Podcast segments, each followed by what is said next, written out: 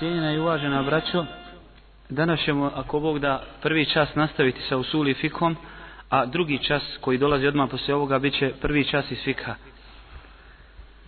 Rekli smo da ćemo, što se tiče usuli fika, govor o njemu podijeliti u tri cijeline. To su šerijatski dokazi, zatim okorištavanje tim šerijatskim dokazima i svojstva onoga koji se tim dokazima okorištava, to jest muštehida. Prva oblast koju ćemo obrađivati jesu šerijatski dokazi, a uz njih ćemo vezati i šerijatske propise, kao što su vađiv, haram i tako dalje. Trebamo da znamo, braćo, da su islamski učenjaci, odnosno učenjaci u suli dokaze, šerijatske dokaze na koje se pozivaju učenjaci u svojim fetvama, podijelili u dvije skupine. Prva skupina to su dokazi oko koji se složili svi islamski učenjaci da su dokazi i da se, on, da se iz njih uzima dokaz za, određeno, za određeni propis. A to su četiri, četiri šerijatska dokaza. Kur'an, sunnet, ižma, odnosno konsenzus, slaganje svih islamskih učenjaka po određenom pitanju i kijas, odnosno analogija. O svakom od njih ćemo mi govoriti ono što je nas najviše interesuje. Nećemo se sad zabavljati nekim detaljima koji su nam poznati iz ovih oblasti, nego ćemo baš uzimati ona pitanja koja nas interesuju u usuli fiku, a vezana su za ove četiri stvari.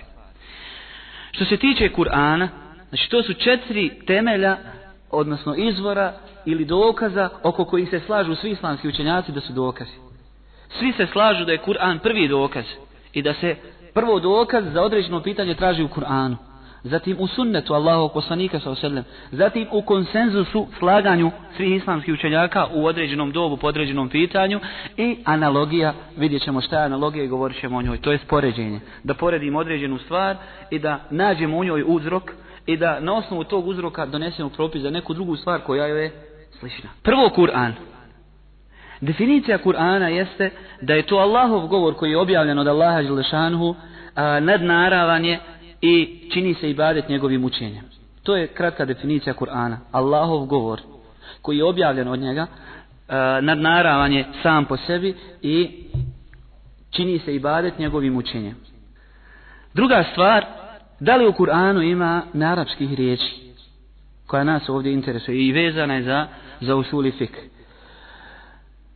Ispravnije mišljenje da u Kur'anu nema narapskih riječi.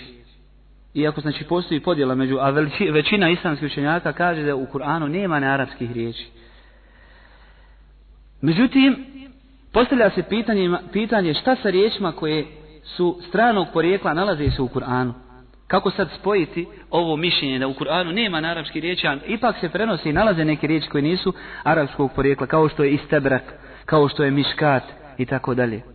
Imam Šafija, zatim imam Taberi i imam ibnu Kudame, odgovorili su na ovo u svojim knjigama i kažu su te riječi arapskog porijekla, ali da nisu ljudima, da ljudima nije poznato da su arapskog porijekla, jer je arapski jezik najširi i najobuhvatniji, ima najviše izraza. Tako da se može dogoditi da učenjak misli da ona nije od arapskog, a ona iz arapskog jezika. Si može da određena grupa učenjaka ne poznaje, ne poznaje tu riječ da se nalazi u arapskom jeziku i ne zna da se ona nalazi u arapskom jeziku. To je prvi odgovor. Drugi odgovor jeste da postoji mogućnost da u arapskom i u drugom jeziku postoje iste riječi, isto napisane, ali da u arapskom jeziku ima jedno značenje, a u drugom jeziku ima drugo značenje. Ko što ćete naći između dva strana jezika? Da se riječi poklapaju, čak isto se pišu, ali imaju različite značenje. Što znači nije daleko i nije nemoguće. I treći odgovor i treći dokaz da spajanje između ovoga što se u Kur'anu nalaze neke na arapske riječi, a ipak stav je da nema na arapske riječi, jeste da su te riječi postale vremenom arabizirane, tako da je da ih Kur'an tretira kao arapske. Sljedeće pitanje koje nas interesuje iz oblasti suli fikha jeste da li u Kur'anu ima riječi koje nemaju značenja. Jer zabludile sekte su prišle sa tog aspekta. Pa su rekle da, na primjer, ajeti koji govore o Allahovim atributima su nejasni. Spadaju mu šabi, nejasne ajete, tako da mi o njima nećemo ni govoriti. A kad Allah kaže ruka, mi ne znamo šta to znači, ne znamo šta Allah misli o time. I time odbacuju, znači, Allahovo svojstvo koji, kojim sebe opisao. I to mi je bio najlakši put da negiraju Allahovo svojstva. E sada, postavlja se pitanje, da li u Kur'anu ima riječi koje nemaju značenja? Šehul Islam ibn Tejmije navodi tri konsenzusa islamskih učenjaka kada je u pitanju riječi u Kur'anu koji nemaju, znači, nemaju značenje. Prvi konsenzus jeste da u Kur'anu, kaže šehhul islam, složili su se islamski učenjaci da u Kur'anu nema ni jedne riječi koja nema značenje. Svaka riječ koja je došla u Kur'anu ima svoje značenje. To je prvi konsenzus ili prvo slaganje oko čega su složili islamski učenjaci. Drugi konsenzus kaže šehhul islam, složili su se islamski učenjaci da nema u Kur'anu ni jedne riječi čije značenje bar neko nije razumio od, od ovoga ummeta. Kaže, nije dozvoljeno da vjerujemo da u Kur'anu ima i jedna riječ čije značenje nije razumio poslanik ili njegov ummet. U najmanju ruku razumio je poslanik sallallahu Ako nije razumio neko od ummeta, onda je razumio poslanik sallallahu I to je naj, naj, najmanje što možemo prihvatiti. Da je razumio poslanik sallallahu a kao dokaze i Islam ibn Tejmije navodi, znači da nema u Kur'anu ni jedne riječi čije značenje neko od islamskih učenjaka ili poslanik sa osiljem nije shvatio, navodi sljedeće dokaze. Kaže, mufesiri, učenjaci tefsira su se složili, odnosno protumačili su sav Kur'an. Nema ni jedne riječi u Kur'anu koja nije protumačena. Samo što neki od mufesira ne nisu znali određene riječi, rekli su teže mi je da mi natovoriš brdo uhud, nego da je ja protumačim. Ali to ne znači da ta riječ nije imala tefsira. Znači sav sav Kur'an je protumačen od strane ili poslanika, ili njegovih ashaba, ili generacija koje su učile pred ashabima. To je jedan od dokaza da u Kur'anu nema riječi čije se značenje ne može razumjeti. Drugi dokaz šeheh Islam navodi da je nepojmljivo da Allah Želešanu objavi svome poslaniku i ummetu objavi govor kojeg bar on nije razumio. Nemoguće, nepojmljivo, razum ne prihvata, logički se ne, ne može prihvatiti. I treći konsenzus kojeg navodi šehul Islam ibn Temije, kaže složili su se islamski učenjaci da imaju pojedine riječi u Kur'anu čije suštinsko, istinsko značenje zna samo Allah Želešanu. Na primjer, riječ ruh, duša. U arapskom jeziku je poznata i učenjaci razumiju njezino značenje u arapskom jeziku. Šta znači riječ ruh? Ali njezinu suštinu, ko zna samo? Allah, jer Allah kaže da samo on zna šta je duša. I njenu suštinu i kako izgleda i tako dalje. Zatim Allahova svojstva. Islamski učenjaci znaju njihova, njihovo vanjsko značenje. Kada Allah kaže za sebe da ima ruku. Islamski učenjaci znaju šta se u arhivskom jeziku podrazumijeva pod rukom, ali ne znaju njezinu suštinu. Zato kaže ima malih pitanja o suštini. Allahu i svojstava je šta? Odnosno Allahu uzdignuća je novotarija. Jer da bi nešto opisao, da bi nešto o nečemu rekao, moraš ili ga vidjeti, ili vidjeti nešto slično ili ti nekog, ne, da ti ga neko opiše. Ako nemaš ove tri stvari, ne možeš govoriti o nečemu. Ili da ti lično vidiš, ili da ti ga neko opiše, ili da vidiš nešto slično tome. A Allaha nije vidio niko, niti mu ima šta slično, niti nam ga je opisao neko, niti, niti, ga, niti ga nam je neko opisao nečim što je slično njemu.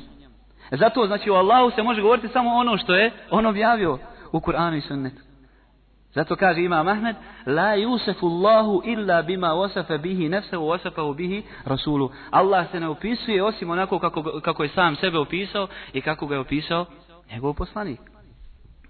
To je znači treća, treći iđma, treći konsenzus kojeg navodi šehol Islam ibn Temije kada je u pitanju riječi u Kur'anu, odnosno da li je moguće da se u Kur'anu prenose neke riječi koje nemaju značenja. Sljedeća tačka kada je u pitanju Kur'an jeste da li je obavezno raditi po iznimnom kirajetu? Iznimni kirajet je onaj kirajet koji nije došao mutavatir predajom. A govor to ćete učiti i kod brata Abdulvarca šta je mutavatir? To je da u svakoj generaciji ga prenese veliki broj prenosioca. A šaz jeste da ga prenese jedna osoba. Na primjer, imamo kirajet Abdullah ibn Mas'uda. Imamo mushaf Abdullah ibn Mas'uda u kojem on u nekim stvarima se razilazi sa kiraetom ostalih ashaba. Gdje se samo kod njega prenosi određene riječi koje nema kod ostalih ashaba. Takav kirajet se smatra kirajet iznimnim kirajetom. Ima znači deset mutavatir kirajete, to ću vam bolje pojasniti ovaj Hafiz, ima deset kirajeta koji su mutavatir, koji su došli preko velikog broja prenosioca.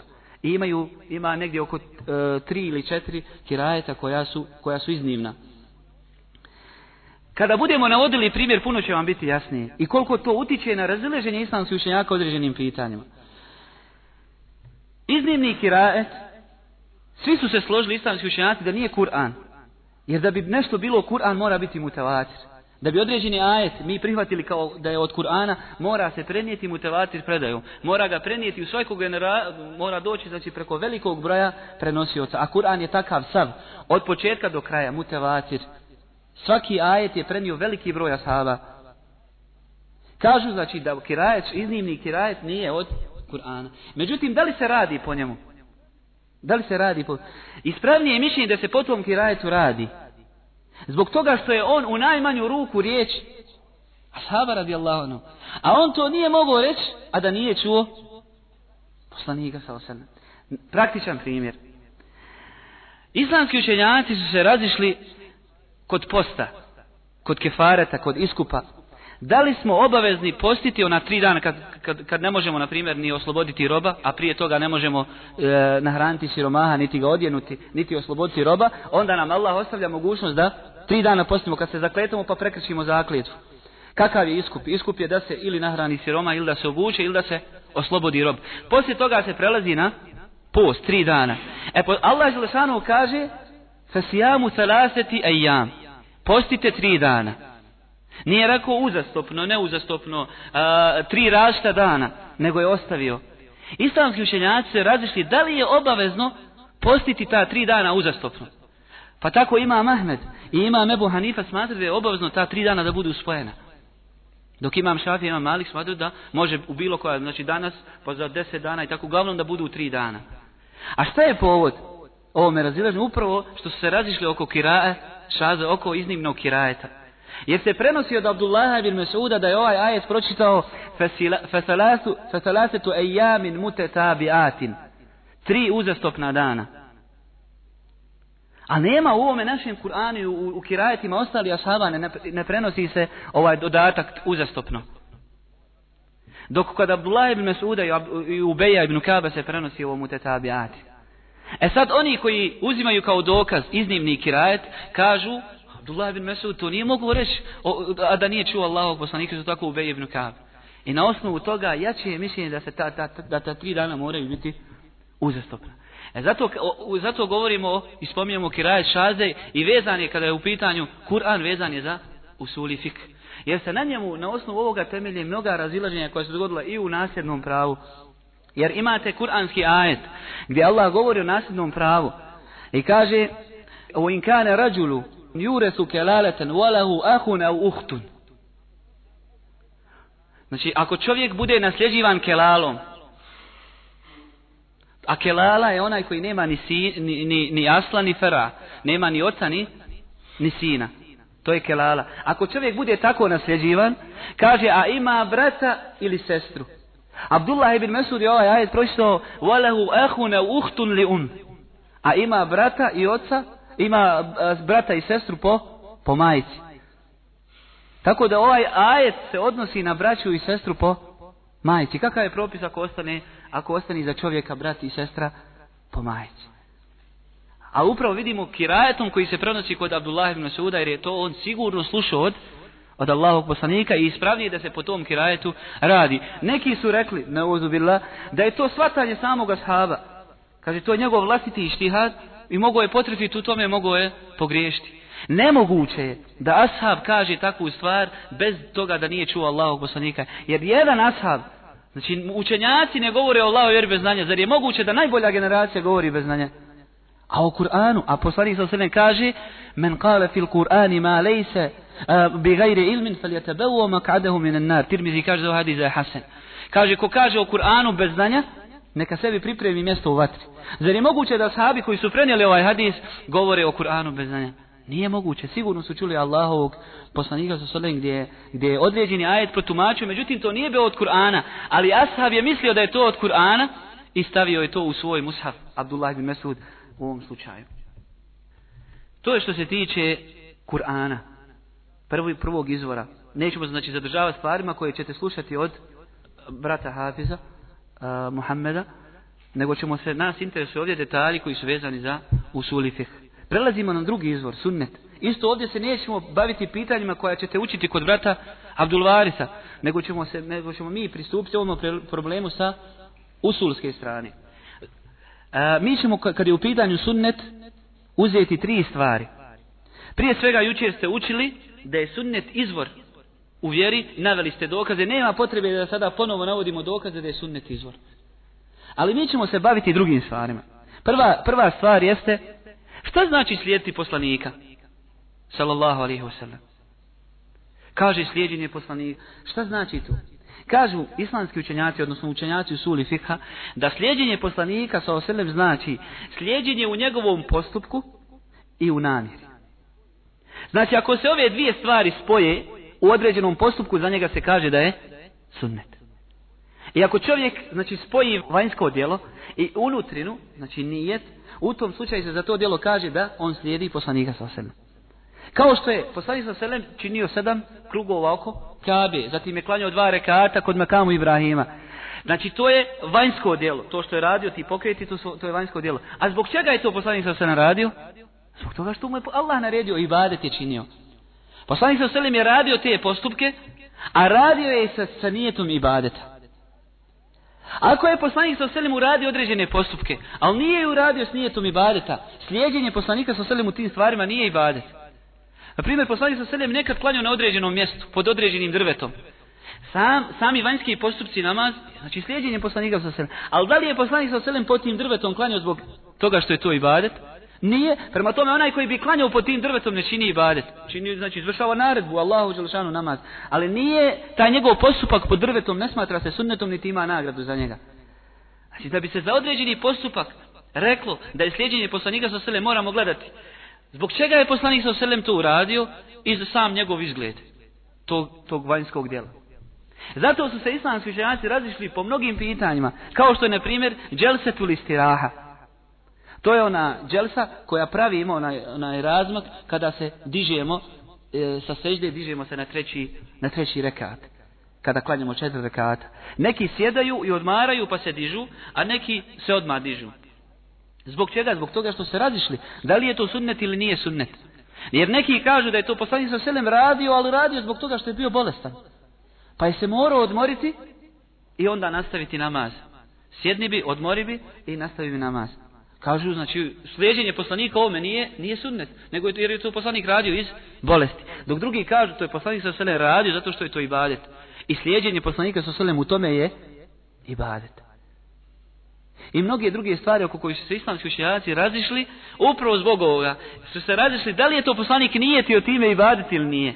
Ako je i ibadet, znači to je sljeđenje poslanika sa selem u tome je sunnet. Ako nije tio i nije namjeravao ibadet, onda nije sunnet. To, je, to znači slijedjenje poslanika i da bi, se, da bi se za određeni postupak reklo da je slijedjenje poslanika mora se ispuniti ove dvije stvari. Tako da ovdje, znači bitno je napomenuti vrašao, da ovdje nije dozvoljen inkar. Kako se desi da jedni kažu dželsat ili stiraha je sunnet, a drugi kažu nije, ne smije jedan drugom prigovoriti. Zato što je tu se u osnovi dogodio ištihad. Je li to ibadet ili nije ibadet? A ovdje su sami ashabi činili ištihad. Pa Ibn Omer smatra da je to sunnet. Dok su drugi ashabi smatrali da to nije sunnet, nego da je to poslanik radio iz, iz bolesti. Tako da ovdje ne smije jedan drugog ukoriti. I zabranjen je inkar u ovome slučaju da jedan drugom kaže ti radiš novotariju, to poslanik sa oselem radio zbog bolesti. A šta će reći onda za Ibn Omera koji je to radio i rekao je da je to i ibadet. Druga stvar vezana za sunnet jeste sami postupci Allahovog poslanika sa oselem. Nama je naređeno da slijedimo poslanika sa ali u čemu? Postavlja se pitanje u čemu nam je naređeno da sjedimo? Zato su učenjaci u Sula, u Suli Fikha napravili podjelu postupaka Allahog poslanika na tri kategorije kako bi mi znali šta smo obavezni od toga slijediti, a šta nismo. Tako prva vrsta postupaka jesu prirodni postupci, kao što je pijenje, jedenje, stojanje, čučanje, spavanje. To su prirodni postupci koje je poslanik sa činio kao čovjek. Da li smo mi njega obavezni u tim stvarima slijediti? Nismo. Jer su to prirodni postupci koje je poslanik sa radio. Međutim, ako bi čovjek radio te postupke s nijetom da slijedi poslanika sa da na mjestu gdje on izu obuću da i mi izujemo, na mjestu gdje je on ovaj popio vodu da i mi pijemo, na način kako je on ovaj sjedio da i mi sjedimo, u tom slučaju ako čovjek zanijeti, nijeti će ima će nagradu ne za postupak, nego za svoj nijet slijedjenja Allahu poslanika jer se prenosi od Ibn Omera, neki je sahabi rekao da je poludio zbog toga što je slijedio svaku stopu Allahog poslanika. Čak gdje je nuž obavljao Ibn Omer je to radio. I rekao je da to radi zbog toga što slijedi poslanika. Ove predaje bilježi imam Buhari. Islamski učenjaci iz ovoga izvlače da čovjek ako nije ti u tom slučaju da e, oponaša poslanika sa sebe, da imaće, imaće za oponašanje, za taj nije to ponašanje imaće nagradu. A sam postupak nećeš jer to nije sunnet. To je prirodni, prirodni postupci koje je činio poslanik.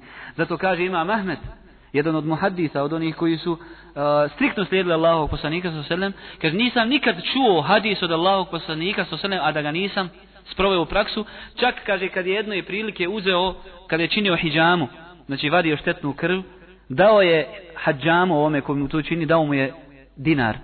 Ali to nije uopće vrijedilo dinar, to je e, ispod, e, njegova vrijednost je bila ispod dinara. Pa su upitali ga zbog čega si dao toliko vrijednost, kaže poslanik i prenio je hadis, poslanik sa selem je činio hijjamu i dao je hadžamu dinar. Znači u, u ovakvim stvarima nismo obavezni svijet poslanika sa selem, ali ako nam je iskren nijet imat ćemo, imat ćemo nagrad. Druga vrsta postupaka Allahovog poslanika sallallahu alaihi sallam jesu posebni ili specifični postupci koji su bili svojstveni samo njemu. Kao Allahom poslaniku. A na to nas upućuju posebni dokazi koji kažu ovo se odnosi samo na tebe. Kao što, na primjer, poslanik sa bilo dozim da mu dođe žena i kaže poklanjam se o Allahu poslaniće. Bez staratelje, bez mehra, bez ičega. Poklanjam ti se Allahu poslaniće. A kaže Allah i i samo tebi. Jel nama da nam dođe žena i da kaže ja, ja se tebi poklanjam, nije nego imaju propisi i tako dalje. Poslanik sa je bilo to dozvoljeno. Zatim poslanik sa je jedino bilo dozvoljeno da oženi devet žena ili više od četiri žene. Zato što se prenosi za vjernike, ostale se prenosi ajet da se ženimo sa toliko, sa toliko i sa toliko. A isto tako došao je čovjek koji ima u džahilijetu devet žena, osam žena, u nekim predama se prenosi i deset, pa mu je poslanik sa rekao ostavi četiri, a ostale, ostale razvedi. Što je dokaz da umetu nije dozvoljeno da ima više od četiri žene. I ako bi čovjek slijedio poslanika sa selem u tome, bio bi grešan, a ne, ne nagrađen. Znači postupci koji su specifični i posebni i odnose se samo na poslanika sa I treća vrsta postupaka su postupci pojašnjenja ili propisivanja. U kojima poslanik sa selem pojašnjava ili propisuje ummetu određeni propis svojim postupkom. Kad kažemo pojašnjava, vi znate da je u Kur'anu naređen namaz, ali je li pojašnjen? Nije. Zato se pranose postupci poslanika kojima on pojašnjava način obavljanja namaza. Pa kaže sallu kama usalli u hadisu koji bideži Buhari od, od Malika ibn Huvejdisa. Klanjajte kako ste mene vidjeli da da klanjam. I poslanik sallallahu je praktično pokazao kako se klanja, a njemu je došao Džibri ili praktično mu pokazao kako će klanjati. E takva vrsta sunneta gleda se. Ako je ono što poslanik sa pojašnjava vađib, Znači, ako se ovdje radi o namazu i samo sve ono što pojasni i pojašnjeno postaje vađivom. Ako je ono što pojašnjava vađib i pojašnjeno postaje i, samo pojašnjavanje postaje vađivom. Ako, na primjer, poslanik sa selim pojašnjava namaz, sve ono što ulazi u, u, u pojam namaza, ono što je poslanik praktično pokazao, biva šta? Vađibom. Ako je ono što poslanik sa srednjem pojašnjava dobrovoljno, normalno, ako je to samo dobrovoljno, onda je i sve te stvari koje usto dolaze su dobrovoljni. I treće je da budu dobrovoljni. To su tri vrste postupaka Allahovog poslanika sallallahu Zatim prelazimo na sljedeću tačku. I ovo je jako bitno da znamo kada, šta, u kojim stvarima smo obavezni slijediti poslanika sallallahu alaihi Kada bivamo nagrađeni, kada bivamo kaženi, a kada nam je ostavljeno Znači, ako za nijet imamo lijep nijet, imat ćemo za taj nijet nagradu, a kada uopšte nećemo biti nagrađeni, onaj, a to je kad, kad ne budemo činili te postupke koje je poslanik sa činio kao prirodne postupke, kao što su sjedenje, jedenje, pijenje i tako dalje. Među tim stvarima je, na primjer, nošenje duge kose. Nošenje duge kose spada u prirodne postupke, koji su bili poznati kod Arapa. Nešto što uopšte se ne kosi sa šerijatom. I šerijat nije došao sa posticanja, nema nijednog hadisa gdje poslanik sa kaže puštajte dugu kosu. Ili gdje on pohvali one koji nose dugu kosu. Nego je to bila stvar koja je bila poznata kod Arapa i poslanik vjera, odnosno Allah je samo ostavio. I onaj koji bude nosio dugu kosu sa nijetom da oponaša Allah poslanika, znači onoliko koliko je on nosio, za taj svoj nijet će imati nagradu. Ali ne može se reći da je to sunnet s kojim je došla ova vjera. Ne može se tako reći. Jer poslanik sa nije došao sa tim sunnetom, nego on bio, bio, bio poznat kod Arapa prije. Ne prenosi se ni jedna predaja gdje on postiče na a da bi nešto bilo sunnet, mora ili, ili doći ashab, pa upitati, pa poslanik prešutit, Saloselem, ili poslanik Saloselem savjetovat i reći, ne znam, rate to i to. Da bi bilo sunnet ili pohvalno ili, ili mustahab ili lijepo da se, da se radi.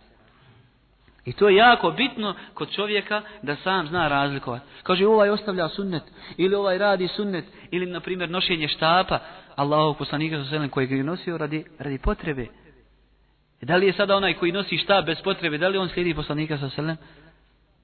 Pogotovo u situaciji kad ljudi to ne shvataju. I čovjek dođe i nosi štap kaže ovo je sunnet Allahog poslanika. Da li prenosi se jedna predaja gdje poslanik sa selem postiče na nošenje štapa? Ne prenosi ni jedna predaja. Da je poslanik sa rekao da je to lijepo, da ga je neko upitao da shava? Jer, kao što ste malo čuli, lijepo je ono što je došlo ovom vjerom. Jer je nemoguće da stvar bude lijepa da na nju šerijat ne uputi. Nemoguće. Logički je nemoguće da stvar bude lijepa, da poslanik sa nije na nju uputio. Jer su ashabi rekli, ar rasulu sallam, ma terake še'an munkeran illa wahazara minhu. Poslanik sa nije primijetio ni jednu ružnu stvar, a da nije na nju upozorio. I neko je od ashaba prenio. Ne mora to biti velika grupa, samo možda jedan od ashaba je prenio. ma terake hajran, illa da'a ilaihi. Vahasa alih. A nije vidio ni jednu dobru stvar, ni jednu lijepu stvar da na nju nije posti, postakao i da nije naredio da se, da se radi. I zadnja stvar e, koja je vezana za sunnet, jer mi ćemo danas znači, stati kod sunneta, u sljedećim predavanju ćemo nastaviti sa drugim izvorima šarijata a to su, rekli smo, ovaj konsenzus i kijas, pa ćemo govoriti o njima. Zadnja stvar na koju bi se zaustavio danas jeste poslanikovo ostavljanje, suprotno ovome sada što smo govorili. Ovdje smo govorili o poslanikovim sa oselem postupcima. Postoji i poslanikovo ostavljanje. Kad poslanik sa oselem ostavi određeni postupak, da li je to nama sunneti da mi i mi to ostavljamo? Poslanik sa oselem prenosi od njega nešto ostavio. Da li sad ummet isto tako kad ostavlja tu stvar čini, čini badi. Zato su islamski učenjaci poslanikovo sa oselem ostavljanje određenih postupaka podijelili u dvije, u dvije skupine. Postupci za koje se jasno prenosi od putem ashaba da je poslanik sa oselem ih ostavio. Kao što su riječi uh, Abdullaha ibn Abbas radijallahu anhu u hadisu kojih bilježe sedmorica. Znači šest ovih poznatih prenosivaca i imam Ahmed poznati su vam ko su šestorica, to su imam Buharija, imam e, Muslim, imam Ebu Dawud, imam Tirmizi, imam Nesai, imam Ibn Mađe. Kad se kaže u terminologiji šestorica, misli se na ovu šestoricu. I još uz njih imam Ahmed, kad se kaže sedmorica, odnosno kad se kaže džema, misli se još na imama Ahmeda. Ovaj hadis bilježi sedmorica. Kaže, en nebije sallallahu alihi wasallam, sallal idejni bi gajri adanin vola ikame. Poslanik sa klanjao oba dva bajrama bez ezana i bez ikameta. Znači ostavljao je učenje, nas interesuje ovaj dio, ostavljanje. Ostavio je učenje ezana i ikameta u oba bajrama.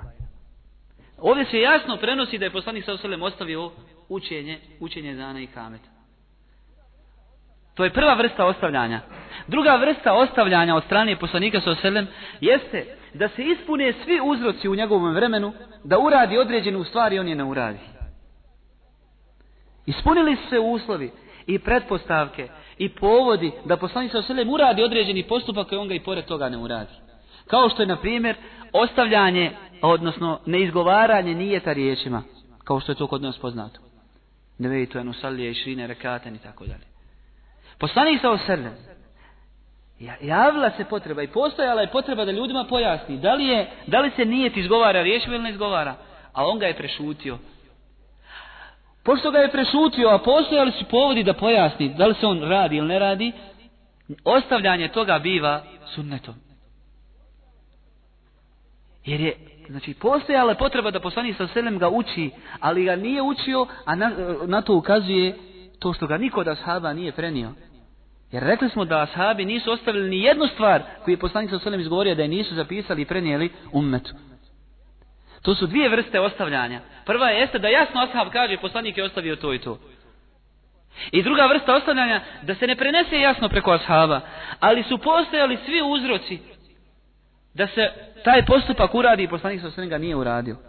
Pa vidimo, nije znači, ne prenosi se da je poslanik sa učio nijet riječima. Niti se prenosi da je zajedno sa ljudima učio dovu poslije namaza. Ako je, ako, znači, ako je to bio ibadet, poslanik sam selen ga je bar jedno morao uraditi da ga sahabi vidi. A ostavio ga je, ali nije se prenulo Nije niko da sahaba rekao poslanik sam selem nije učio dovu poslije namaza. Ali se ne isto tako ne prenosi da je da je radio, prema tome to, to ostavljanje ukazuje na to da to nije bilo propisano. I samim njegovim ostavljanjem to biva sunnet. Pogledajte, kad ostavljamo određene postupke, činimo sunnet.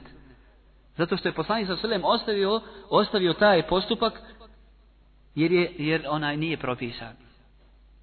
Eh, da bi određeno ostavljanje bilo sunnetom, moraju se ispuniti dva uslova. Znači, kada nešto ostavljamo i ne činimo, i poslanik ga je ostavljao, da bi to bilo sunnetom i da bi mi time slijedili poslanika, sam postavljaju se dva uslova. Prvo, da se da postoji povod, to smo malo prije govorili, da postoji povod da se nešto uradi i ne uradi se. Postoji povod da se nešto uradi. I postoje li se znači uzroci da, da poslanik sa svim ljudima pojašnji da li je nije, učenje ta ovaj, obaveza ili nije obaveza, ili treba ili ne treba. Ali poslanik sa svim pored toga nije pojasnio umetu, što ukazuje da to nije, da nije bilo propisano. To je prvi uvjet. Da postoji povod, a poslanik sa ga ne uradi. Suprotno od toga, ako, postoji, ako ne postoji povod i poslanik sa oselem ga nije uradio, onda njegovo ostavljanje ne biva sunnetom. Poslanik u, njegovo vrijeme, da pojasnimo praktičnim primjerom, nije bilo borbe protiv onih koji, koji, koji nisu davali zekat. Zbog čega? Zbog toga što nije bilo povoda da se vodi protiv njih borba, jer su i ljudi davali zekat. U vrijeme Ebu Bekra, Ebu Bekri je vodio borbu protiv onih koji su dali koji nije davali zekat. Hoćemo li reći da Ebu Bekri je ovdje se suprostio Allahom poslaniku sa oselem jer je došao sa nečim što nije radio poslanik, borio se protiv onih koji nisu davali zekat. Zato što su dvije različite situacije. U vrijeme poslanika sa selem nije bilo povoda da se vodi protiv njih borba. I poslanik sa je ostavio borbu protiv njih.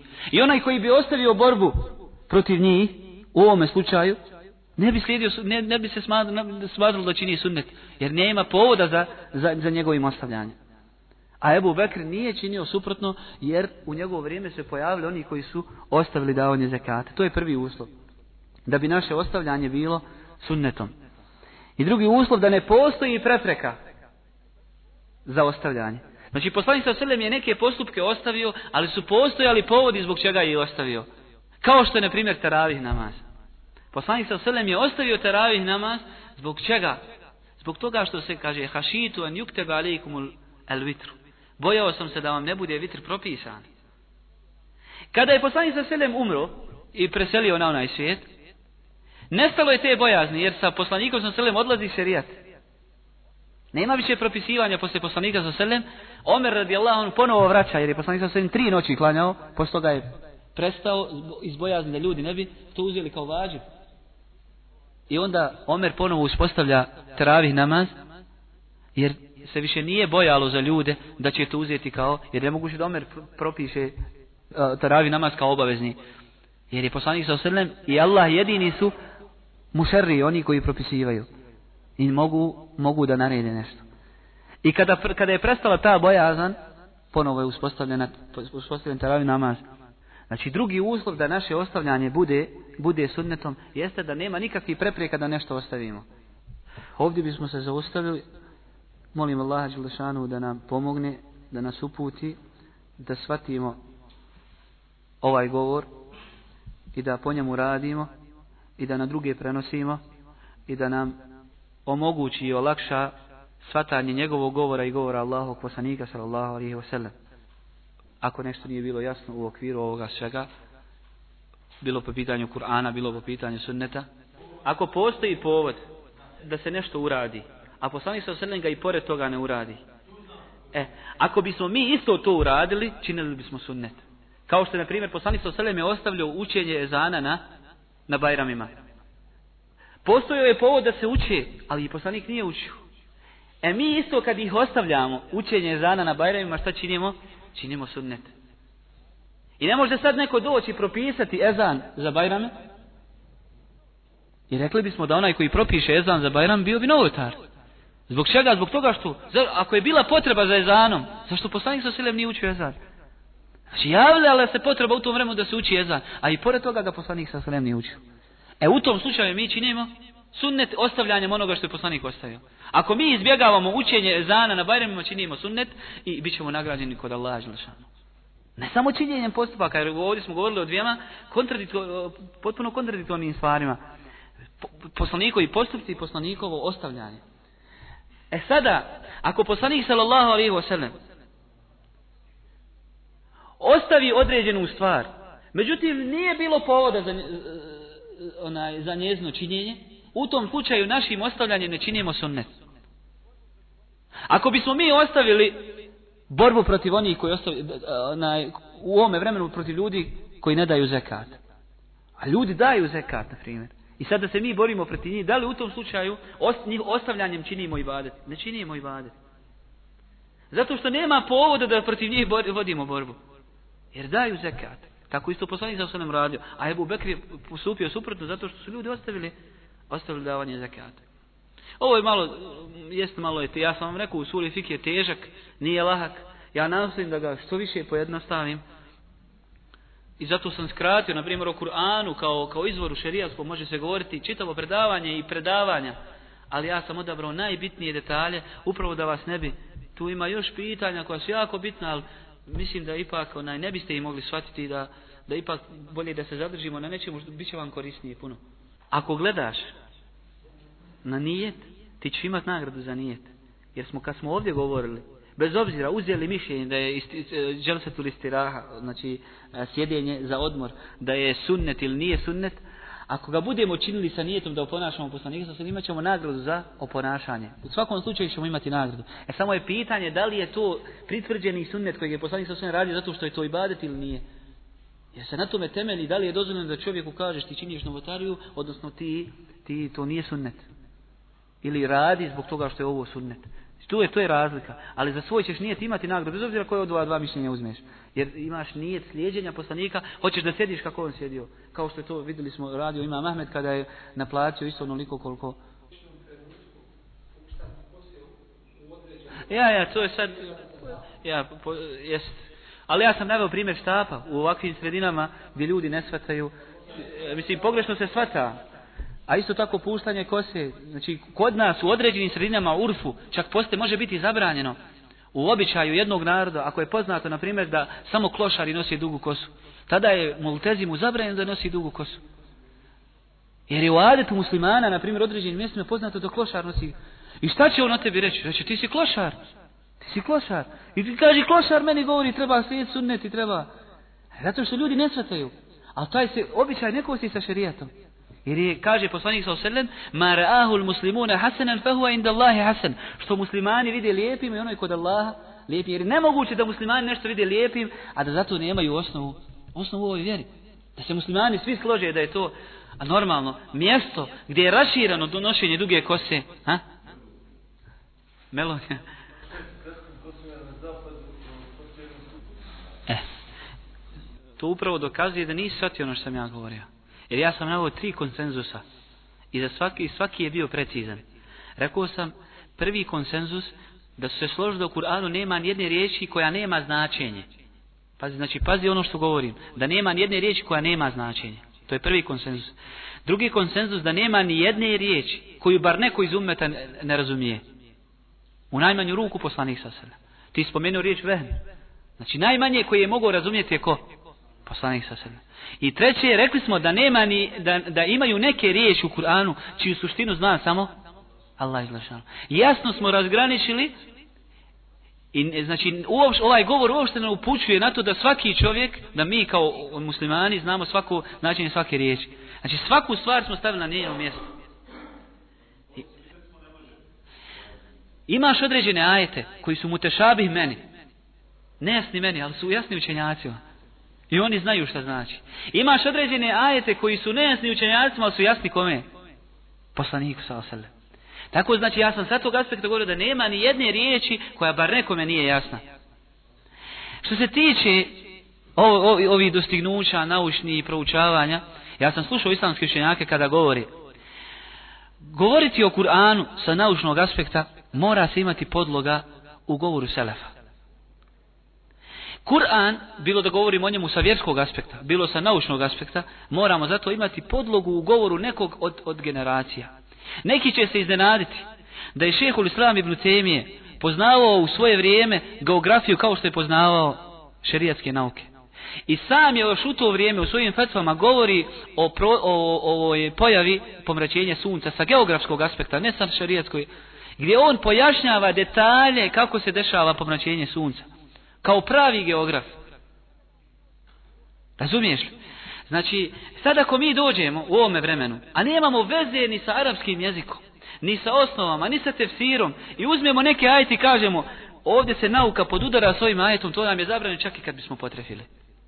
Zato što to nije uslov da bi ljudi vjerovali u Kur'an. Jer je Kur'an po svome sastavu, po svome stilu, po svome govoru nadnaravan. Nije potrebno dokazivati da, da određeni ajeti upućuju na ono što je nauka što, se, što je pogrešno danas, pogrešan pristup. Ljudi se pozivaju u vjeru na taj način, što je pute, šarija i Maturidija, racionalista. Što ljude prvo time pozivaju u vjeru. Čime su poslanici pozivali u vjeru? Ja kao mi je budullahe male lahim gajru. I u to vrijeme je bilo i racionalista, bila razvijena i nauka. U, u vrijeme Isale i Salama. Ali šta su prvo govorili ljudi? Ljudima. Vjerujte u Allah jer vi njega Boga nemate. Nisu počinjali sa razumski. Ova se vjera ne kosi sa razumskim, sa, racionalnim dokazima. Ja mislim da je pogrešno da se na muhadare, predavanja o Kur'anu pozivaju doktori koji nemaju veze sa šerijatskim znanjem. Možda će on potrefiti u svome govoru i nema, nema sumnje da ima stvari koje vidi se da je, da je Kur'an o njima govorio da, da se pojavili u savremenoj nauci. Ali ti ljudi ne poznaju Kur'ana sa njegovog pravog aspekta, to je sa, sa šerijatskog aspekta. I mogu potrefiti, ali nije to, nije to osnova u ovoj vjeri. I ne dozvoljava se takvim ljudima da oni drže čak predavanja, kaže vidite Allah je ovdje rekao kad se ovo uradi, evo vidite nauka je to potvrdila. Moramo imati potvrdu u govoru nekog od, od učenih ljudi iz, iz ovoga umeta, jer Kur'an nije mala stvar. To je Božiji govor, Allahov govor kojem on podučio određenu grupu ljudi, prije svega svoga poslanika, poslije toga poslanik sa je podučio ashame. I mislim da se tu upada u jednu grešku, onaj što se toga tiče. Čak ako pogodi, ja sam to spomenuo, pogriješio je. Ma to su jasne stvari, Osmane. Ja ovo što ovdje nisam pozvao, Dozvoljeno je, znaš zbog čega? Zato što je o tome govorila ulema koja poznaje šerijat. Ti ćeš naći u knjigama uleme koja poznaje šerijat da govori o tim stvarima. E, ako nam takav čovjek govori o ovim stvarima, od njega prihvatamo. Zato što on razumije vjeru prije svega, razumije Kur'an, je arapski jezik. I on nam dođe i kaže, međutim postoje i razumski dokazi koji pučuje da je Kur'an mođiza. I onda nam navede ajete kaže islamski učenjaci su rekli to i to, da svaki Ako smo našli u knjigama ljudi koji dobro poznaju Kur'an sa šerijatskog aspekta, normalno spominju i ove, i ove stvari. I evo dokle se ide, samo halali, da Amir, ne primjer koji se dogodio preko interneta. Govori Allah Đelešanu, veden šekati se vrdeten dihan. Sad ova riječ vrde može značiti ruža. Skori u jeziku ruža. Ali to se govori o sudnjem danu. Znači da se to dogoditi sa, nebom na sudnjem danu. I sad jedan je došao i raspravljao se sa drugim, sa mlivom se raspravljao na internetu i kaže, ja sam slušao neke učenjaka astronomije, da su našli zvijezdu koja, koja je raspuknuta kao cvijet. I kaže, ovaj ajet se odnosi na to. Kako će se odnositi na to kada Allah govori o, o nebesima u kontekstu sudnjeg dana? E, pogledaj, znači, dokle ide i prave se očite greške. Pogledaj knjigu koju je napisao Ahmed e, Didat, 19. Sama knjiga pada u vodu i sa bismilom, jer bismila nema 19 nego 21 harf. Piše na knjizi Ahmed Didat. Možda se pokojao, nisam ja sad, ali govori 19, 21. Zatim, iznad njega je 19, na čemu se temelji sva knjiga, odnosi se na, na, na sekar, poseban dio džehendama, nad kojim ima 19 meleka. I šta misliš, čovjek prouči i uđe u islam putem toga i poslije sazna da bismila ima 21 i ostaje vjeru. Kaže, pa vidiš, ime su nas pozvali u vjeru i onda dokaže se. Ja sam čak, ja sam toliko bio interesovan, ja sam čak brojio harfove, tamo kaže, ovdje nun, kada se ne znam, izbroji toliko puta, podijeli se sedam, dobije se paran broj. Ja sam brojio, na mnogim mjestima ne, ne, ne dobiva se to. Ali normalno, znaju da neće niko brojati nun. Koliko nunova ima, oči da te zabole. Na, I povjerovat će odmah kad i čak i provjerite vidite da to nije. Možda će na nekim mjestima potrebiti Biće broj koji je djeljiv sa sedam, ali šta je dokaz za to? Broj 19, čelije i tako dalje, ja sam to čitao i u preporodu priznam, interesovalo me, ali vidi, stvarno se vidi da zato nema nikakve podloge. Broj 7 se spominje, on je čest u Kur'anu, broj 19 se spominje i broj... Šta je dokaz da Allah o time baš to što vi govorite? A to je, to je najveći dokaz da nije dozvoljeno na takav princip jer jesu ove greške koje su se dogodile. I vidi još jednu grešku koju sam našao. Slušao sam Šeha ibn Usaimina. Pogledajte, braćo, koja je još greška urađena i prošla je kroz saf. A to je kada se upoređivalo ni 309 godina sa 300 godina. Kad Allah govori i ostali su u pećni 300 i još 9 godina. Kaže, kad se sabere 300 ovih sunčevih, kad se pomnože dani, sunčevi izađe 309 mjesečevih. Kaže Šehe ibn nepojmljivo je da šerijat navodi nama dokaze i govori nam o mjesečevoj godini da bi potkrijepio sunčevu kad uopšte šerijat nije došao sa sunčevom niti sa sunčevim računanjem. Pogledajte kako se zapada u greške. Uzima se mjesečeva koja je asl u, u šerijatu. Mjesečeva godina. Uzima se kao dokaz, kao osnova da bi se dokazala ispravnost ove sunčeve koja je neispravna i uopšte se u šerijetu ne priznaje i mi je koristimo samo za nuždu. Nama je zabranjeno je to specifičnosti kršana, akajska specifičnost, njihovo računanje gregorijanski kalendar. Mi ga koristimo zato samo što nam je nužno. Ali čitav je tekst napisan da se to dokaže. Čista pogreška. Jer je to akajsko slijedjenje nevjernika. I može da bude od, što kaže šehrubni onaj koji dozvoli korištenje gregorijanskog kalendara i kaže da je to dozvoljeno, bez potrebe, kaže, smatra se nevjernikom. Zbog svega, zbog toga što je dozvolio akajsku stvar među muslimanima. Jer je poznato po čemu oni računaju tu svoju godinu i da je tačno od, da je od njihovog akajskog obilježja. Normalno ko kaže, ko dozvoli, ali nama je dozvoljeno ovdje radi potrebe, jer se ovdje računa po, po gregorijanskom kalendaru. Katastrofalne se greške prave upravo zbog toga što se nekome pokušava dokazati, ali nije to osnova. Mi imamo puno dokaza, milion dokaza o Allahovom postojanju. Zato kada je starica vidjela ljude, okupili su oko Fahrudina Razija u Neisaburu. Kaže, pitala ko je ovaj čovjek? Kaže, pa kako ne znaš, pa to je čovjek koji zna hiljadu dokaza o postojanju Allaha. Kaže, starca, da nije imao hiljadu šubi, ne bi imao ni hiljadu dokaza. Da nije hiljadu sumnje, ne bi imao ni hiljadu dokaza.